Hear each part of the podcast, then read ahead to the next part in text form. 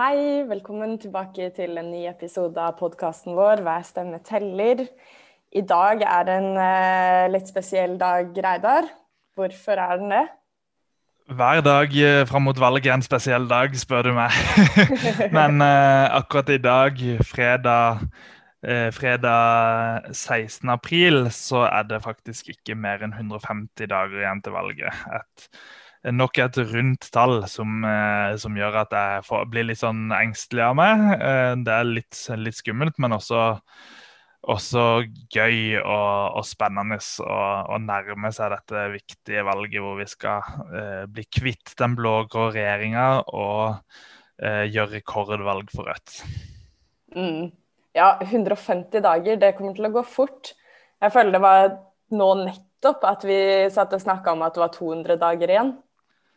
Ja, tida går så sykt fort. Og våren er jo alltid litt spesiell fordi du, du har en påske der du Plutselig så er det mai og med masse røde dager. Så tida går fryktelig fort. Så er det sommer, og så plutselig er det midt i valgkampen. Så vi har ikke mer enn tida av veien til å, til å vinne dette, dette valget, altså. Mm.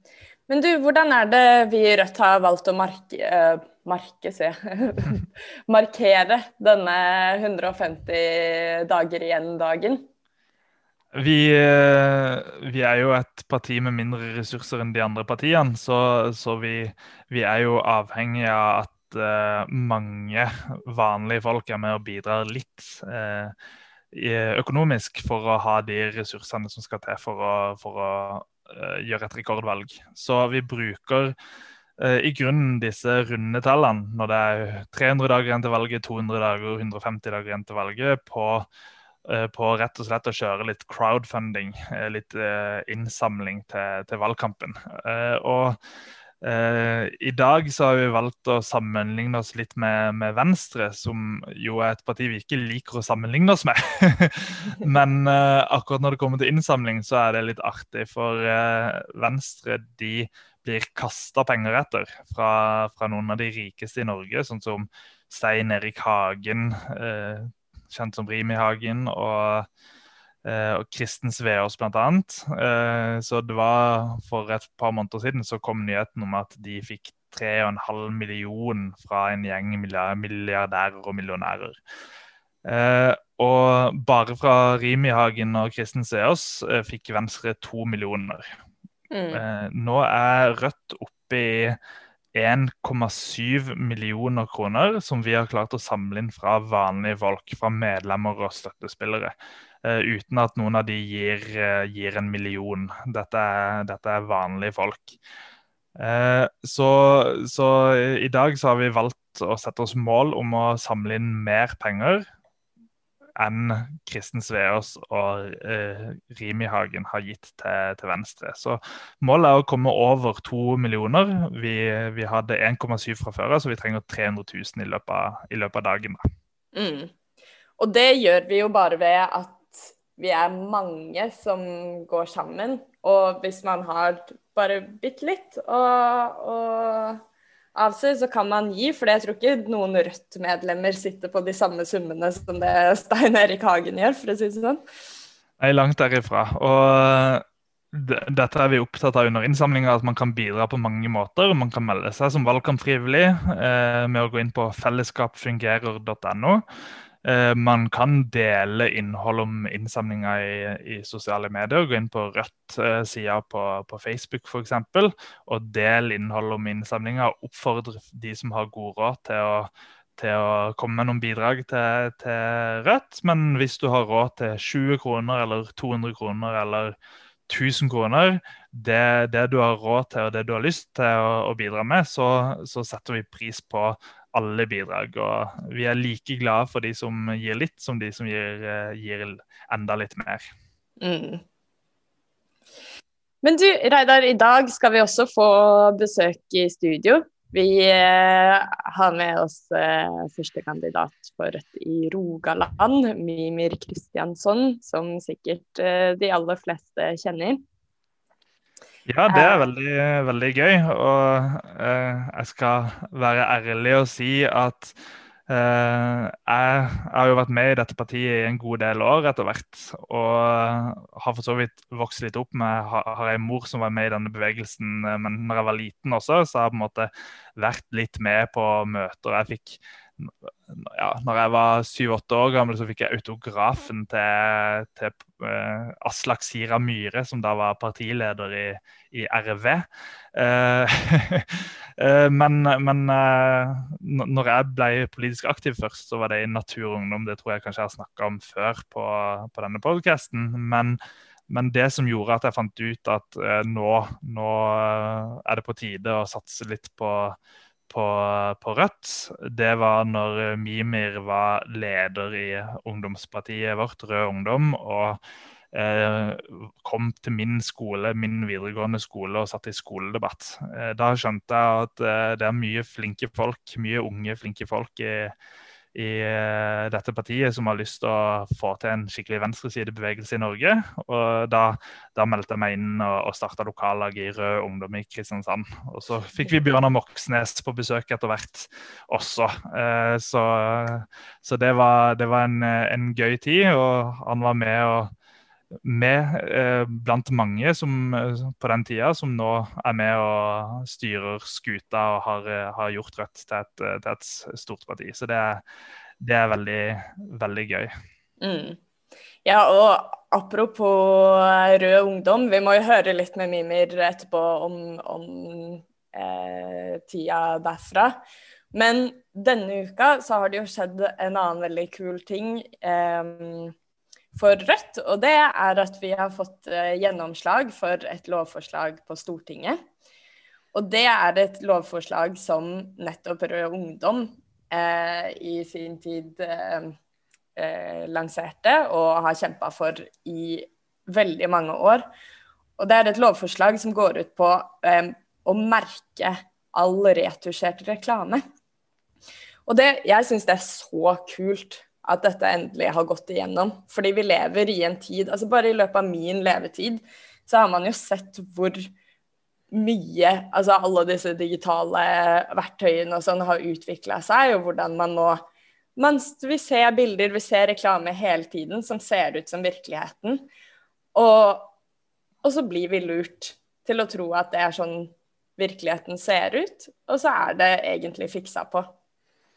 Så som en vanlig person, så tenker jeg at det er så viktig, og at vi fortjener å bli fortalt når uh, virkeligheten er triksa på.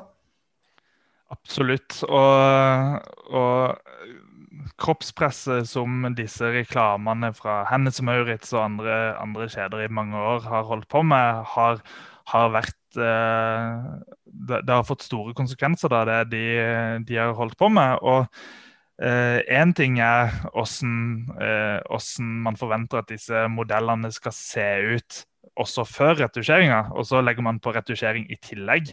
Uh, så det er jo enormt med, med, kroppspress som har blitt skapt pga. sånne reklamer. Så det, å, det at Rød Ungdom gjennom mange år har kjempa og jeg, jeg, tilbake til når jeg var liten og, og liksom fikk ikke var med i, i Rød Ungdom. Jeg var for liten til det, men jeg, men jeg husker fortsatt at Rød Ungdom i Kristiansand de, de drev og reiste rundt på natta og, og ja, spraya litt, bl.a. På, på noen av disse reklamene som hang rundt i, i bybildet. Eh, og, og, det at de siden den tid og fram til, frem til i dag har jobba konstruktivt og, og løfta forslag om, om, retusjering gjennom masse aksjonisme, har bidratt til at plutselig så er det, så er det KrF da, eh, på, på, Stortinget som, som, er med og, og gjennomfører, eh, gjennomfører eh, ideen. da.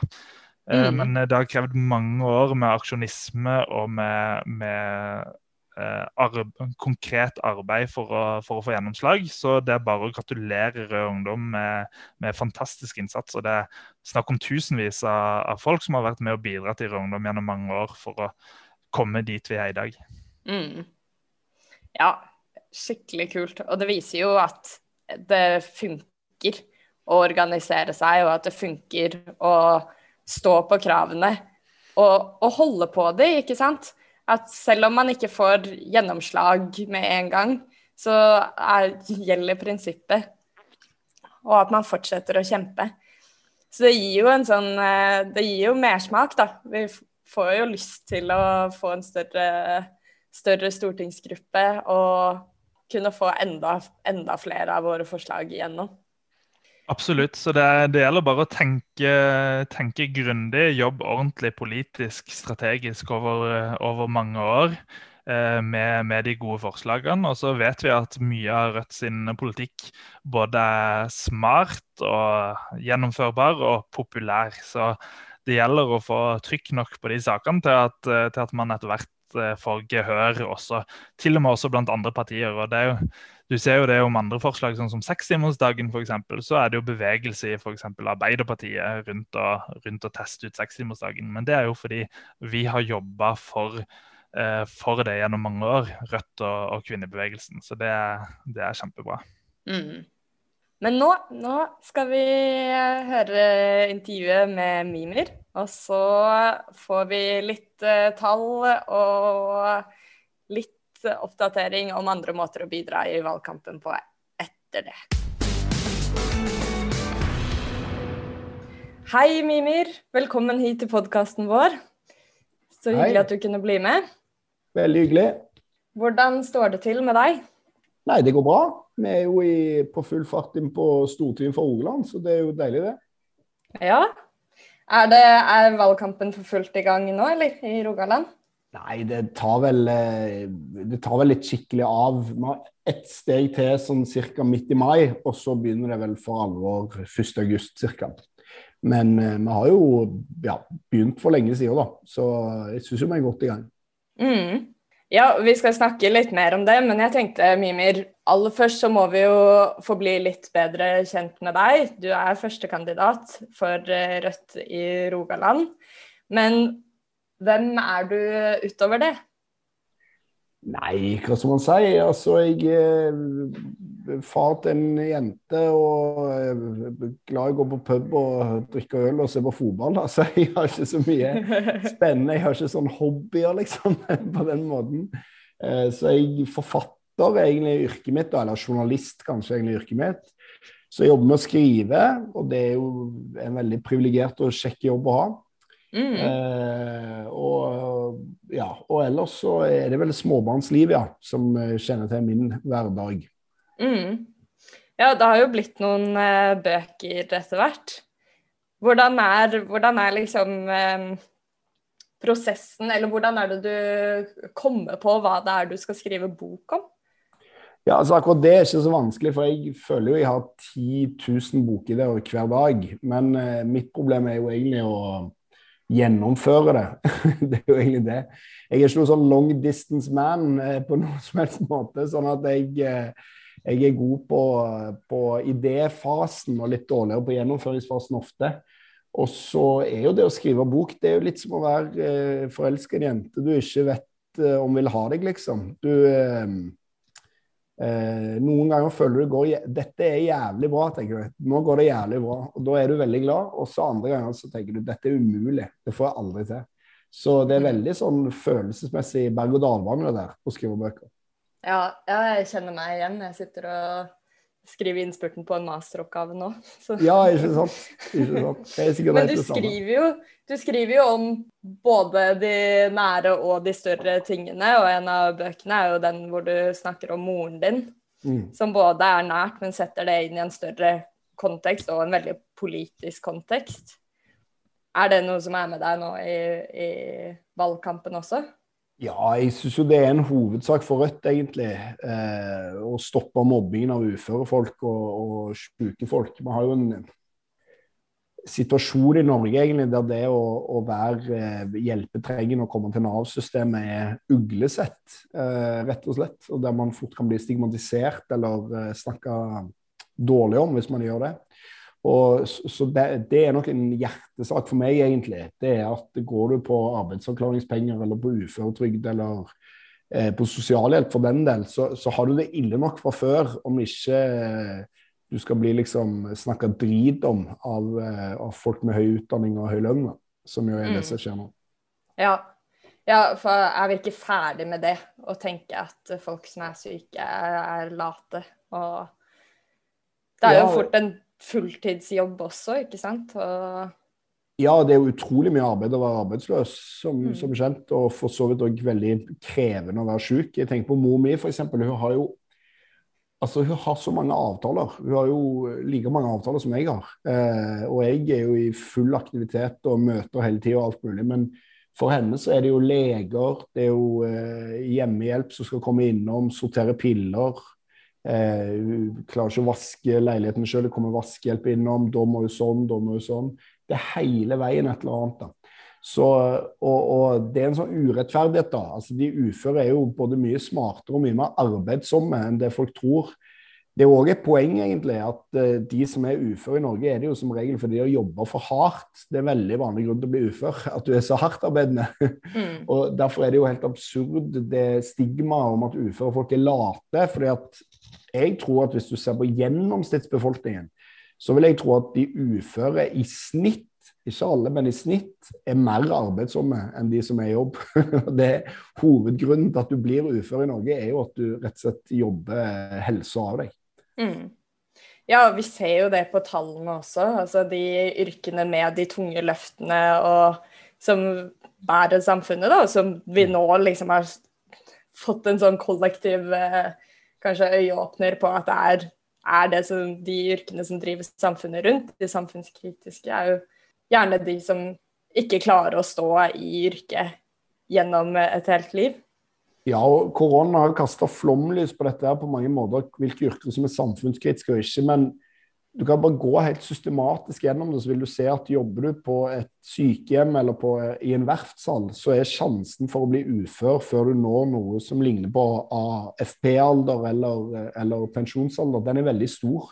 Mm. Mens i mitt yrke da, som forfatter, så er jo eh, Klarer du bare å styre unna og drikke deg i hjel som 27-åring, så kan du jobbe resten av livet, liksom.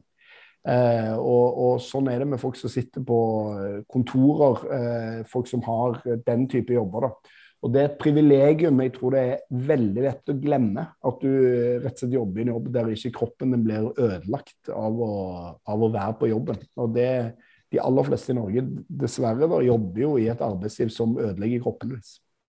Mm. Ja, ja, det er et veldig, veldig godt poeng. Og absolutt noen som fortjener et løft, og som kommer til å være et fokus for oss i Rødt fremover nå også. Men du Mimir, jeg tenker vi må gå litt tilbake i tid også, fordi jeg lurer på hva er det som har vært veien som har leda deg til å nå stå på topp for Rødt i Rogaland? Helt jeg snakka jo med Reidar eh, tidligere i dag, som eh, nevnte at eh, han ble inspirert av deg som RU-leder. Men hva er din vei i Rødt? Ja, nei, altså jeg, jeg var jo AUF-er opprinnelig. Jeg Var leder i Stavanger AUF. Og, og på venstresida, det klarer jeg nesten ikke å huske hvorfor jeg havna på. Det har jeg, føler jeg alltid vært. Og foreldrene mine er langt ute på venstresida òg, så det er sikkert oppdragelse og, og medfødthet, på en måte. Men, men eh, jeg, eh, pga. Irak-krigen så ble jeg egentlig veldig radikalisert. Og, så jeg aksepterer vel ikke den eh, linja som Arbeiderpartiet la under Irak-krigen. om at man kunne støtte bombing av Irak hvis de bare klarte å tuske til seg flertallet i Sikkerhetsrådet, liksom. Og Det førte meg jo ut i Rødt, og, og der oppdager jeg jo, som jeg tror gjelder alle AUF-ere, også de som er med i AUF ennå, at jeg er mye mer radikal enn det Arbeiderpartiet sa. Mm. Og så var jeg jo 16 år og leste Lenin og sånn, så jeg, jeg, hadde mye å si det òg. Eh, og så ja, og så var jeg jo ute av Rødt veldig lenge. Eh, og var jo utmeldt, og jeg har ikke engang alltid stemt på Rødt. Så, så jeg, jeg, var ute og tenkte at det var jeg liksom ferdig med. Men så syns jeg at det som liksom har skjedd i Rødt i, det siste, eh, de siste årene, har vært at Rødt har gjort seg sjøl til en relevant kraft mm. Eh, for vanlige arbeidsfolk i Norge. Og da mener jeg ikke sånn gått til høyre og blitt mer moderat og sånn, for det, det, er ikke noe interessert egentlig. Men, men at, at uh, folk flest da, er, har bruk for Rødt, og det, og det, er ikke gitt at de hadde for 10 og 15 år siden. Så, så, dermed så tenkte jeg at jeg skulle hive meg inn i det igjen. Og ja. ble spurt på en eh, fest når jeg var drita full om jeg ville stå på topp i Rødt i Stavanger. da, Og det svarte jeg ja på. Og så jeg, dagen, dagen, etterpå da, lever, levere på det løftet. Så derfor er jeg her.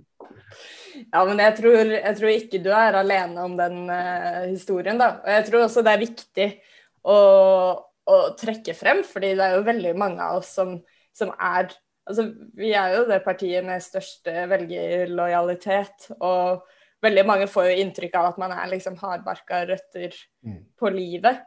Men det er nok mange som kjenner at man ja, beveger seg inn og ut av prosjektet, og, og som også har kommet tilbake nå de siste par årene da, og ser virkelig den krafta partiet utgjør. Ja, og, og jeg tror jo òg at um, jeg, jeg, jeg, tror jo de aller, aller fleste velgerne i Norge eh, ligger til venstre for det de stemmer på, nesten. Mm. Eh, det store flertallet i Norge de ønsker seg jo mye mindre forskjeller og mye hardere skatt på de rike, et ordna arbeidsliv. Altså Rødt er jo egentlig et, et flertallsparti på veldig mange måter, ut ifra de standpunktene man har.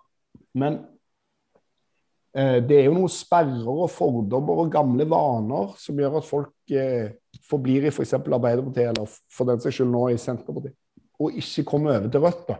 Og Det er vel der jeg føler at Rødt har begynt å, å passere noen hindre som jo gjør det mulig og realistisk å tro at uh, det partiet kan utrette noe. Fordi at Uansett hvor glad man er i Rødt, da, så skal man jo huske på at et parti er jo bare et redskap for politisk forandring. Det har jo i, i teorien altså det har ingen egenverdi i seg sjøl.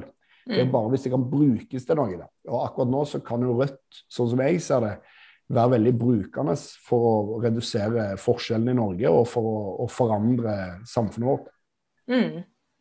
Men det å stå på topp for Rogaland, det innebar jo også å flytte tilbake til Rogaland, da?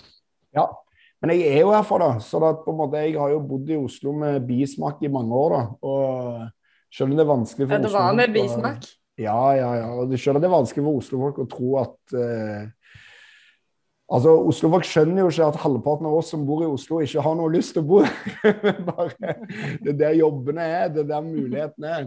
Så det var jo ca. samtidig som jeg fikk barn, eh, litt etter vi fikk barn òg. Og dama mi er også fra Stavanger, så da eh, flytta vi hjem og, og, tenkte at det var det rette å gjøre. da. Så, men som sagt, jeg, jeg er jo herfra, så eh, jeg trives veldig godt der. Mm.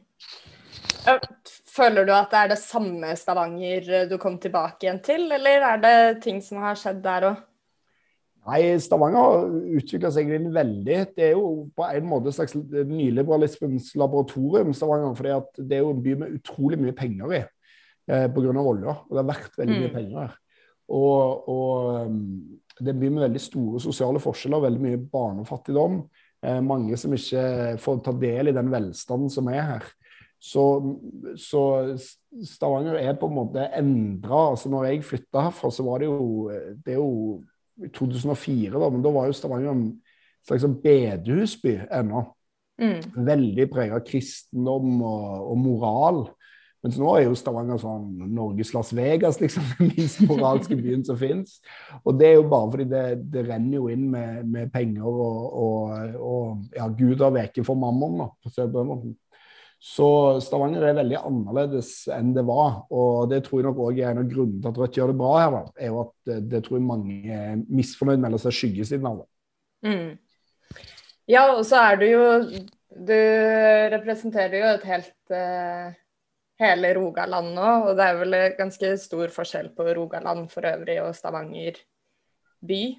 Ja, absolutt. Og Rogaland er jo et fylke som er delt av en jævlig brei og dyp fjord, da, Boknafjorden. Sånn at uh, i særlig i nordfylket der så er det jo en jobb for oss med å nå ut. da. Og jeg føler jo et av de største problemene Rødt har, er jo at, at Rødt er jo et eh, hva skal man si, altså, Jo mer avhengig du er av bil, jo mindre aktuelt er det å stemme på Rødt. Sånn at òg eh, i Stavanger så ser vi det at det er jo i sentrum, i sentrumsbydelene vi gjør det bra. da. Så er det samme i Oslo, Trondheim, Bergen, alt mulig. Så vår jobb nå er jo å prøve å nå ut mye bredere i fylket. da, og Det jobber vi jo egentlig veldig systematisk med mot eh, nedleggelse av hurtigbåtruter, eh, mot vindkraft, mot etablering av datasenter på matjord. Eh, men òg for en eh, velferds- og industripolitikk og, og, eh, mo, mot den sentraliseringspolitikken som regjeringen står for. Da. Mm. Ja, for nå er du jo litt inne på det, men jeg har lyst til å spørre deg om hva, hva tenker du er liksom de politiske sakene eller feltene som kommer til å være viktige for Rogaland-velgere nå i 2021? Det er to ting. altså Det ene det åpenbare er forskjeller. da, At Forskjells-Norge har eh, på en helt annen måte synes jeg, blitt avkledd gjennom koronakrisen. Vi har egentlig visst dette hele tida, men nå er det på en måte stilt flomlys på noe veldig ubehagelig. da, Nemlig at Norge ikke er det eh, sosialdemokratiske paradiset som veldig mange tror at det er. Det er tvert imot et ganske knallhardt forskjellssamfunn på mange måter. Men det andre er jo at Rogaland er jo et oljefylke, og, og i Rogaland eh, er man opptatt av industri og verdiskapning. Og mm. Rødt har egentlig ganske bra industripolitikk. Det er bare det at, eh, at eh, vi ikke har jobba nok med å både konkretisere det, men òg å få det ut til folk. Så for oss er det f.eks. veldig viktig at vi prøver å gjenoppdage det som jeg kaller for Statoil-modellen som er at staten tar ledertrøyen i å utvinne våre felles naturressurser. Sør i Rogaland eksempelvis er det funnet enorme mineralforekomster eh, nå. Det er mange mange hundre milliarder. Og Det sier jo regjeringen at nei, det vil vi ikke involvere oss i. Vi vil ikke ha noe med det å gjøre. Det må markedet ta seg av. Men, men vi har jo lært i dette fylket gjennom Statoil at uh, det beste er jo ofte at staten tar seg av det som er felles. Leder an, uh, fordeler velstanden. Og vi syns det er underlig at ikke flere eh, og ser at den metoden som vi brukte når vi bygde opp oljeeventyret, er en suksessoppskrift som bør gjentas. Enten vi snakker om oppdrett eller vindkraft eller eh, hva det skulle være, egentlig. Mm. Ja, det markerer jo kanskje Det er et sånn veldig tydelig eksempel på hvilken regjering det er vi har i dag. Da.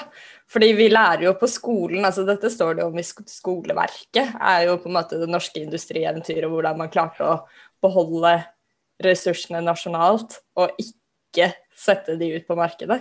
Ja, altså, Det er jo et mysterium. Altså, hvilket som helst skolebok for uh, fjerdeklassinger. Uh, dra på Oljemuseet som vi har her i byen, eller, eller, for den del, Norge reiser rundt i verden og forteller andre land hvordan de skal forvalte sine naturressurser. Mm. Alle er enige om, i teorien iallfall, at Statoil-modellen genialt, en suksess, dette skal vi gjøre. Og så kommer det en ny naturressurs opp, og da er spørsmålet vil man gjøre det samme igjen. Gjenta suksessen, gjøre eh, det vi vet at funker og er bra. Nei, kommer ikke på tale. Så det er et underlig paradoks da, at vi liksom eh, alle sammen er enige om noe som var bra, men vi er totalt uinteressert i å gjenta den samme suksessen. Mm. Men hvordan skal man få til å sette fokus på, på, det her, da, uten at det drukner i alt mulig sånn annet eh, enkeltsakspolitikk i en valgkamp? Nei, det er selvfølgelig komplisert, det, altså. Men, eh, men, jeg, men jeg, tror jo at eh, Rødt sin oppgave må jo være på en eller annen måte å, å, å si det som er sant, men kanskje ikke nødvendigvis det. altså hadde det vært opp til NRK, liksom, så hadde hele valgkampen handla om dumme ting Sylvi Listhaug sa. Eller for den saks skyld hele valgkampen handla om bompenger. Så, så, vår jobb er jo å motprogrammere da, og, og holde fokus på det som er viktig for folk. Kanskje ikke alltid er så sexy i media, men som er viktig for folk. da. Og hvordan man får det til, det er litt uklart. altså Det er jo hardt arbeid, liksom. At du er nødt til å på en måte identifisere de sakene og de budskapene som når hjem til folk. da. Men jeg har jo inntrykk av at Rødt er på riktig vei. da. Jeg synes jo at For tre eller fire år siden så, så ville jeg trodd at vi hadde mye mindre kraft å, å, slå med enn det vi har nå. Mm. Det er jo Nå lever vi på en måte fremdeles under en pandemi. Vi sitter hjemme. Eh, det er ikke like lett å gå ut og, og, snakke med folk, og snakke med folk om politikk og, og det som er viktig i livene deres. Men et av de virkemidlene vi har, da, er jo det du sier. å bruke media og, og, skrive der. Og jeg hadde lyst til å spørre deg som forfatter, og du er også en politiker som er veldig flink til å komme på i media. Har du noen tips eller triks til folk som tenker at OK, det har jeg lyst til å gjøre nå, inntil vi kan gå ut i gatene igjen? Ja, og det er å være 110% skamløs. Så er på en måte hovedproblemet, tror jeg, til mange folk som, som, sliter med å komme i media, det er at de, eh, ikke, de bruker altfor lang tid på å forberede seg, eh, kvalitetssikre alt mulig greier, jobbe, styre alt mulig. Drit i det. Slå på tråden til journalisten, send en mail, send en melding. Det er liksom plukk opp telefonen og ring meg, liksom. Det er det som er jobben å gjøre, da. Og er du pågående, liksom, så, så vil du lykkes, da. Og det er ikke så hokus pokus som det mange tror. Det er klart at det er jo sånne spiraler. Så hvis du lykkes noe, så vil du lykkes mer. Og hvis du lykkes mer, så vil du lykkes enda mer. Så, så sånn er det jo. Men, men, det er egentlig ikke så vanskelig, og det er egentlig ikke noe magi ved det. Det eneste er bare at man må jobbe på som faen for å liksom melde seg på i, i de sakene som er, da. Eller de sakene man har lyst til å fremme. Og der tror jeg altfor mange, selvfølgelig særlig damer, da, men òg mange menn, er liksom redde for hva som skal skje. At noen kan reagere negativt eller bla, bla, bla. Men det, den frykten er alltid mye verre i hodet ditt enn den, er, enn den, er, i virkeligheten. Så på en måte, det må man prøve å kvitte seg med, og så gønne på. Ikke være så redd for å drite seg ut, tror jeg egentlig. Mm. Eh, og det har jeg, jeg aldri vært om. men det er noe annet. Nei, For den frykten, den tror jeg det er mange som kjenner seg igjen i, og det kan jeg jo gjøre selv også. Men motstand vil man jo på en måte få fra meningsmotstanderne sine, men det, det er man jo klar over fra start. Men kanskje det er lurt å, å være litt på med de, de, sakene eller de tingene som man veit at man kan godt, da. Eller som man har jobba med, eller som Absolutt, men samtidig så må man huske på at det å være politiker faktisk er å ikke kunne noen ting som helst. Det er ingen som egentlig forventer, og det er ikke rimelig å forvente det, at politikere skal være eksperter på det de snakker om. Det er ikke det en politiker er. Da må du bli akademiker, da, hvis du blir ekspert. Og det samme er det å være journalist, for øvrig. De er jo heller aldri eksperter på noen ting. Så, så, jobben er på en måte å, å Hvis du klarer å lytte til folk, ta kontakt, prøve å finne ut hvordan står det til her og her, så, så, holder det i lange baner. altså. Man må ikke ha noe mastergrad i, i, energipolitikk for å mene noe om energipolitikk. Og godt er det. fordi mm. at dette er jo demokratiske beslutninger som flertallet av folk i Norge skal være med å, å ta. Og da vil ikke ekspertene bestemme. Og, og, og, det tror jeg man må legge fra seg, den ideen om at man nødvendigvis kunne sakene så ekstremt godt. da. For noen saker vil du kunne, og noen saker vil du ikke kunne. Men en politiker vil aldri kunne alle sakene eh, hen snakker om. Det er umulig. Mm. Ja, et veldig, et veldig, godt poeng, det der. Um, og så må jeg jo spørre deg, hvordan står det til med, med Rødt i Rogaland og i lokallagene? Er det, er det god stemning, eller hvordan hvordan planlegger dere nå fremover de neste månedene?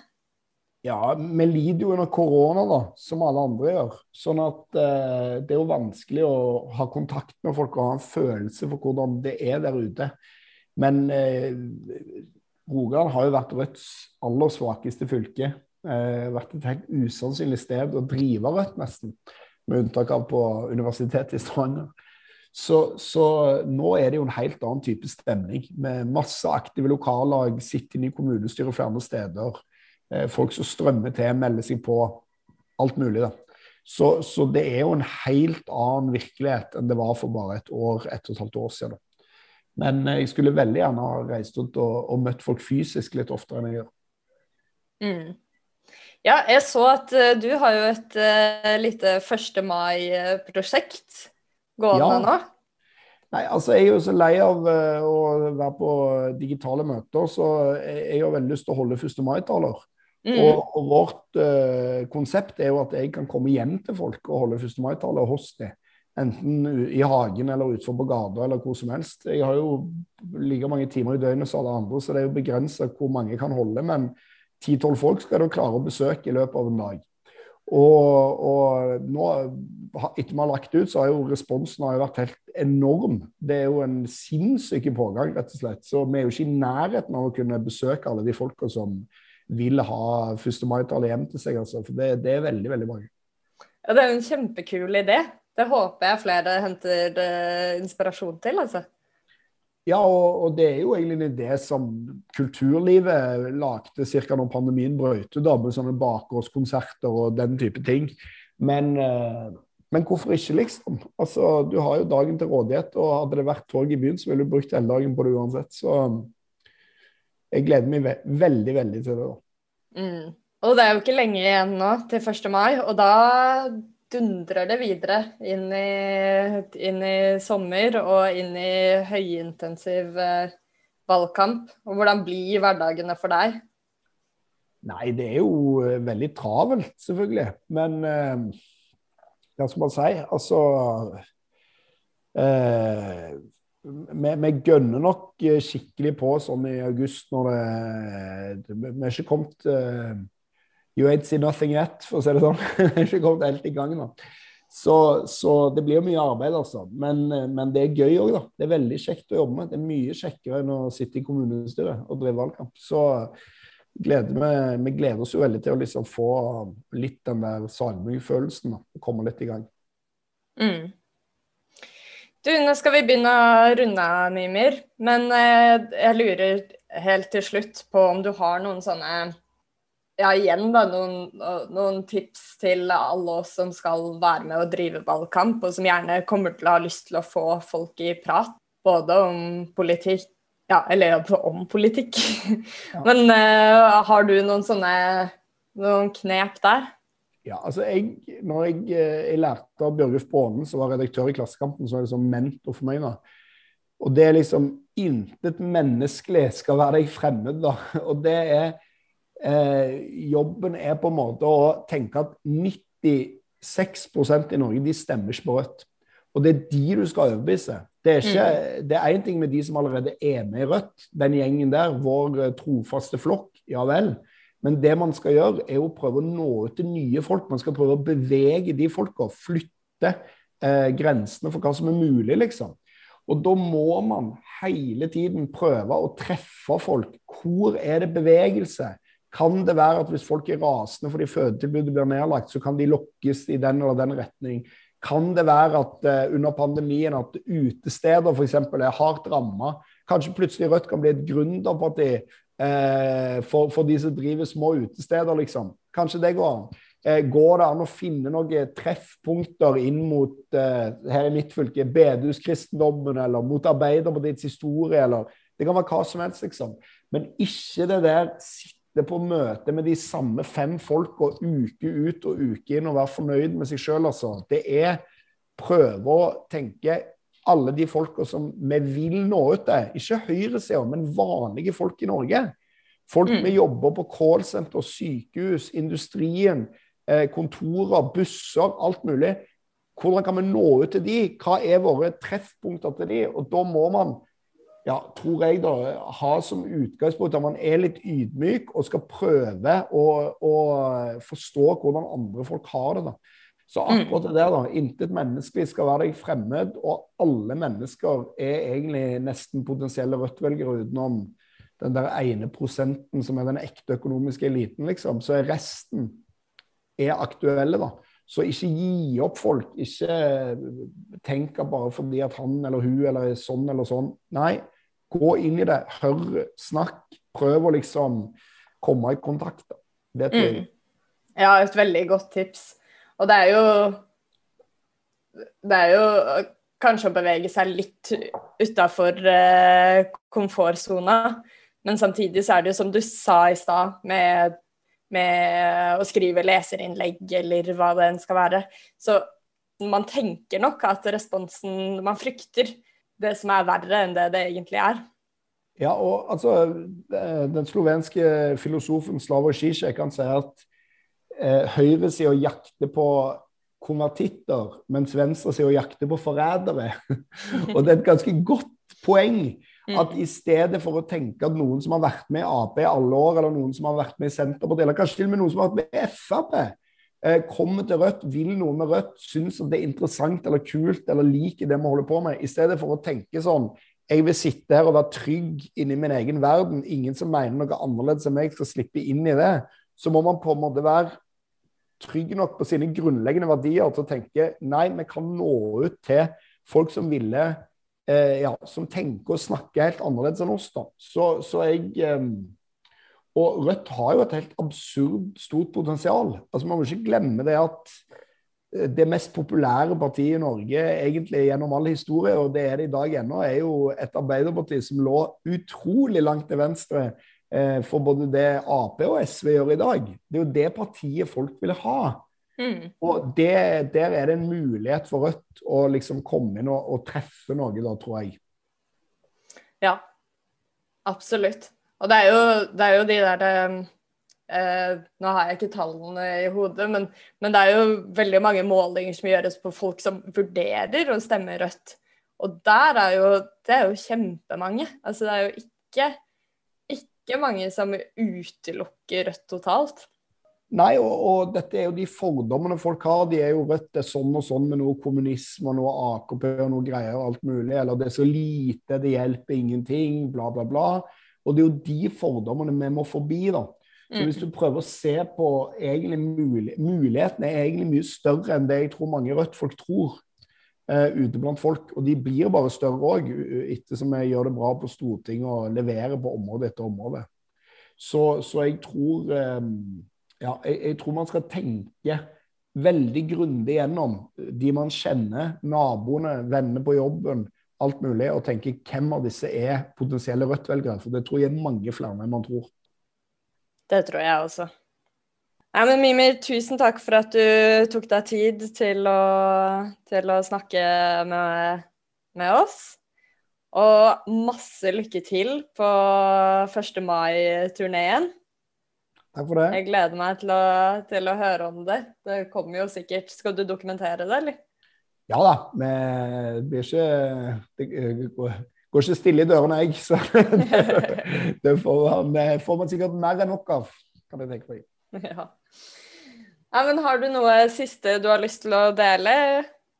Nei, ikke noe annet enn bare nå, nå kjører vi, liksom. Nå er det bare å gi alt. Altså, dette er åtte år med det her pisset her. Med Erna Solberg, med uføre. Tenk hvordan de behandler AP-mottakere. Eh, arbeidsløse som vil ha feriepenger. Bare tenk på det. Ulikhetene, milliardærene, alt det der. Måten, Jernbanen privatisert. Finnmark lagt ned. Bare tenk, Nå har vi muligheten til å bli kvitt det her, og det er avhengig av at folk gjør en innsats nå de neste månedene og leverer litt, altså. Så, så, nå er det tid for forandring, rett og slett. Mm. Ja, det er mye mobilisering å hente i det å kjenne at man er lei, altså. Og, og sint. Og med god grunn kan man mm. være det. Nei, men du får ha en kjempefin uh, helg nå. I like måte. Og så uh, snakkes vi og høres i løpet av valgkampen. Det gjør vi. OK. Ha det godt. Ha det bra. Det var uh, Mimir Kristiansson. Og Reidar, hva tror du? Hvordan uh, kommer det til å gå med Rødt i Rogaland? Det er kjempespennende å følge med på. Det er det ingen tvil om. For uh, Mimir og resten av gjengen i Rogaland har klart å, å, snu på flisa og virkelig komme seg på offensiven. Og det er ingen tvil om at Rogaland på papiret er et av Rødt sine aller vanskeligste eh, fylker. Eh, sånn som, eller stortingsvalgdistrikt. Akkurat som, som Agder-fylkene, Vest-Agder og Aust-Agder. Hvor du har mye konservative velgere og, og hvor det rett og slett er vanskeligere å overbevise folk om å stemme rødt enn, enn mange andre steder. Eh, og Det er jo grunnen til at vi ikke har ligget spesielt høyt i, i Rogaland før. Eh, vi, det er mange kommuner i, i, Rogaland hvor ikke Rødt er representert med lokallag. Eh, men eh, siden eh, lokalvalget sist, så har eh, ting begynt å, begynt å, snu litt. De gjorde jo et forrykende valg i Stavanger i i 2019, hvor de fikk vel 5,4% tror jeg, og plutselig hadde de fire inn i, i bystyret. Eh, og og de gjorde det også greit i, i fylkestingsvalget. Eh, der endte de opp på 2,3% som, som eh, var eh, ganske mye lavere enn landsgjennomsnittet. Fordelen til Mimir og gjengen i, i, Rogaland det er jo at Rogaland er et uh, befolka fylke uh, hvor de har ganske mange mandater til Stortinget. Så det er ikke sånn som i i uh, Nord-Trøndelag at uh, du, du, trenger 20 for å, for å komme inn. Mm. så, så sannsynligvis så må vel Mimir opp på kanskje 4,4% eller noe sånt nå, for å, for å, være sikker. Og målingene de, de utvikler seg positivt i, Rogaland. Det har kommet to målinger for ikke lenge siden. Eh, den første eh, utført av partiet Høyre. Der fikk, eh, der fikk, Rødt i Rogaland 3,3% så det er en ganske klar oppgang fra, fra lokalvalget i, i Rogaland. Mm. Og så har de økt enda litt til på måling utført av Responsanalyse for Stavanger Aftenblad, hvor de fikk 3,6 Uh, I den målinga hvor de fikk 3,6% så går man ut ifra at Rødt med denne oppslutninga ville fått ca. 9000 stemmer i Rogaland. Og ifølge Poll of Polls så ville Rødt på denne målinga trengt 2762 ekstra stemmer for å få direkte mandat. Ja. Så fra 9000 til ja, 11.700 da, i denne målinga trenger de, å, trenger de, å, øke med.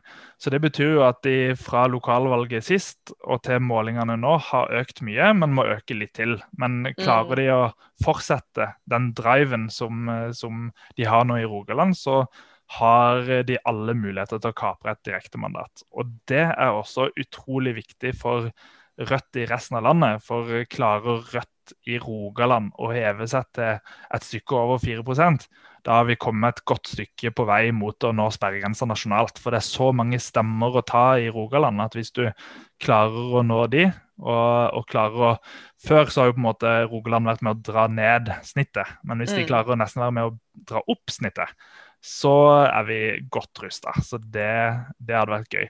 Og hvis ikke man klarer eh, direktemandatet, Eh, så vil, eh, vil de med ja, 3,6% eller litt mer være veldig godt rusta til å kjempe om utjevningsmandat. Så det er gode muligheter for at uh, Mimir blir å se på Stortinget, spesielt hvis, hvis uh, de som bor i Rogaland, uh, står på litt ekstra i, inn mot valget. Ja, og her snakk om 2000 stemmer. Det er jo virkelig, det er virkelig hver stemme teller, altså. Det er, det er på en måte det er en helg med dørbanking, nesten. det. Ja, kanskje, kanskje, i Rogaland, da, hvor, som er et såpass stort, eh, stort eh, stortingsvalgdistrikt, eh, så er 2700 stemmer veldig, veldig lite. I hvert fall sammenligna med, med, med, valgdistrikt med litt færre innbyggere. Da. Men mm. fortsatt så er det jo mange dører å banke på. Men den gode nyheten er jo at det popper opp lokallag også i, i Rogaland. og Sammenligna med, med, 2017, med forrige stortingsvalg, så, så, er også Rødt i Rogaland eh, på et helt annet sted organisatorisk. Så, så både organisatorisk og PR-messig, de får mye oppmerksomhet i, i media. Det er mye mer flink til. Så, så er partiet et helt annet sted enn man var i 2017 i Rogaland. Så det er gøy å følge med på. Mm. Absolutt. Og mens vi snakker om eh, dørbanking, Reidar, fordi det virker som at eh, vi må holde oss i skinnet og vente litt til før det blir eh, helt uh, mulig. Men vi har jo snakka om dette før, men vi har kommet opp med en løsning på det også. Og det er denne ringesentralen som vi har nevnt tidligere, som er en slags alternativ dørbanking frem til eh, det blir mulig å faktisk gå dør til dør. Eller vi skal vel holde på med ringesentralen etter det også. Men det er jo en uh, veldig uh, kul oppfinnelse, kan vi si. Og nå er den endelig lansert også, så nå er det mulig å ringe. Kan ikke du fortelle litt om den ringesentralen igjen? Jo, absolutt. Og det er jo veldig gøy at vi som et grasrotparti har fått utvikla et, et, digitalt verktøy som virkelig betyr noe. Og at det har skjedd med hjelp av, av frivillige som har, som har, stått på for, for Rødt. Så tusen takk til Mats Oppheim og Geir Gåsodden som har, som har utvikla systemet for oss. Og Ringesentralen.no det er stedet alle kan gå inn for å opprette bruker. Det står informasjon på den sida om hvordan, det gjøres. Uh, og da kommer du inn, når du er godkjent, så kommer du inn i et ringesystem hvor du rett og slett kan trykke på en knapp, og så ringer du til velgere. Det er ikke verre enn det. Uh, alt skjer inne i systemet, så du trenger ikke sitte med din egen telefon. Du ringer ikke fra ditt eget telefonnummer. Du ringer fra, fra et 23-nummer som, uh, som alle de frivillige ringer fra. og når du får tak i, i velgere, så har du et manus foran deg hvor du sitter og, og kan, eh, kan, eh, snakke ut ifra manuset, og hvor du har bokser å trykke på for uh, ut ifra hva, hva, man spør om. da. Så f.eks. etter spørsmålene det syns du at, syns du at forskjellene i Norge har økt under, under korona. og og er de enig i det, så, det, så trykker du ja. Eh, så det er, ikke, det er, ikke, verre enn det. Så du følger manuset. Eh, og så er det å, å ringe nestemann når, eh, når du er ferdig med samtalen. Så det er et utrolig lett system for, å, for, å, drive med, med, valgkamp. Du kan sitte hjemme, du kan sitte hvor som helst i landet og ringe. Du ringer til folk i ditt eget stortingsvalgdistrikt. Og det er en koronavennlig måte å drive valgkamp på. Så håper jeg at vi kan drive valgkamp på mange andre måter også etter hvert. Eh, men eh, akkurat nå så er nok, eh, så er nok ringesentralen.no det er den aller beste måten å få snakka med folk på. For Eh, det, er, det, er, mange måter å drive valgkamp på som ikke handler om å snakke med folk også. Eh, forrige helg så hadde vi aksjonsdag hvor, som var veldig vellykka i hele landet. Hvor over 100 lokallag var med og eh, putta materiell i postkassa til folk. Mm. Og det er jo kjempebra. Mange som får sett at Rødt finnes rundt omkring. Og de som er interesserte, de leser det som står i, i materiellet. Men uh, du kommer ikke i prat med folk. Det er ikke sånn at de har fått seg en ny idé om uh, hva en Rødt-person er, og, og, fått svar på spørsmålene sine når, uh, når de bare får en brosjyre. Så, mm. så, det å få til samtalen, det, det, er veldig viktig. Og da er ringesentralen helt, helt super. Ja, det er veldig kult. Og veldig trygt at man har et manus uh, man kan bruke, men hvis man blir varm i trøya, så er det jo lov å improvisere litt etter hvert også. Absolutt. Og vi, vi hadde lansering, som du sa, i, i går, torsdag. Eh, og da hadde vi bl.a. besøk av, av, en som heter eh, Roland, som, eh, som eh, har lang erfaring fra å ringe for eh, Klassekampen og han hadde gode råd til hvordan du, hvordan du fører en samtale. Så, så, hvis dere går inn på Ringesentralen, så kommer dere til å finne link på hjelpesida til, til, tipsene han kom med om hvordan du kan føre en god samtale. For så er det veldig viktig å, å komme godt i gang med samtalen. Det er viktig å være eh, blid, eh, smile når du, når du, ringer, fordi det høres også på stemmen din. mm. eh, og Eh, og viktig å, å også få en, eh, få en, tilbakemelding fra den du snakker med, før, eh, før man går ordentlig i gang med, med samtalen. Dvs. Si at du ønsker et ordentlig hei fra den du snakker med, før mm. du går i gang med å fortelle hvorfor du ringer. Mm. så tips som det finner du også inne på hjelpesida på ringesentralen. Eh, og ja, eh, noe av det viktigste når man ringer rundt, det er å få med seg hva folk er opptatt av, og, og svare godt på hvorfor, eh, hvorfor, Rødt er et godt alternativ. Så da er det mm. bare å improvisere litt underveis hvis man, hvis man ønsker det. Ja. Yes, det blir veldig kult å komme i gang ordentlig og ringe rundt. Det gjør det, og det var veldig gøy. Eh, vi har tre kurs denne uka, og bare i går, eh, altså under lanseringa, så var det godt over 50 som fulgte kurset. Og, og vi fikk gjennomført vel 400 samtaler. Målet er å nå 200 000 mennesker før, eh, før valget på denne måten. Så, så, men vi er, vi er godt i gang, og så kommer det mange nye anledninger framover. Det gjør det. Men nå skal vi runde av for i dag, Reidar. Jeg hørte det var en, eh, en liten en bakgrunn der også, som kanskje Ja, det var litt, eh, litt, litt Men nå lurer jeg på om, eh, om mora, mor, mor, og sønn forsvant ut døra. Så ja. det var vel derfor du hørte det i bakgrunnen. Men det skal bli kjekt med litt, litt helg som med de etter hvert. Ja, det er bra. OK, vi snakkes igjen neste uke. God helg så lenge. Ha det godt.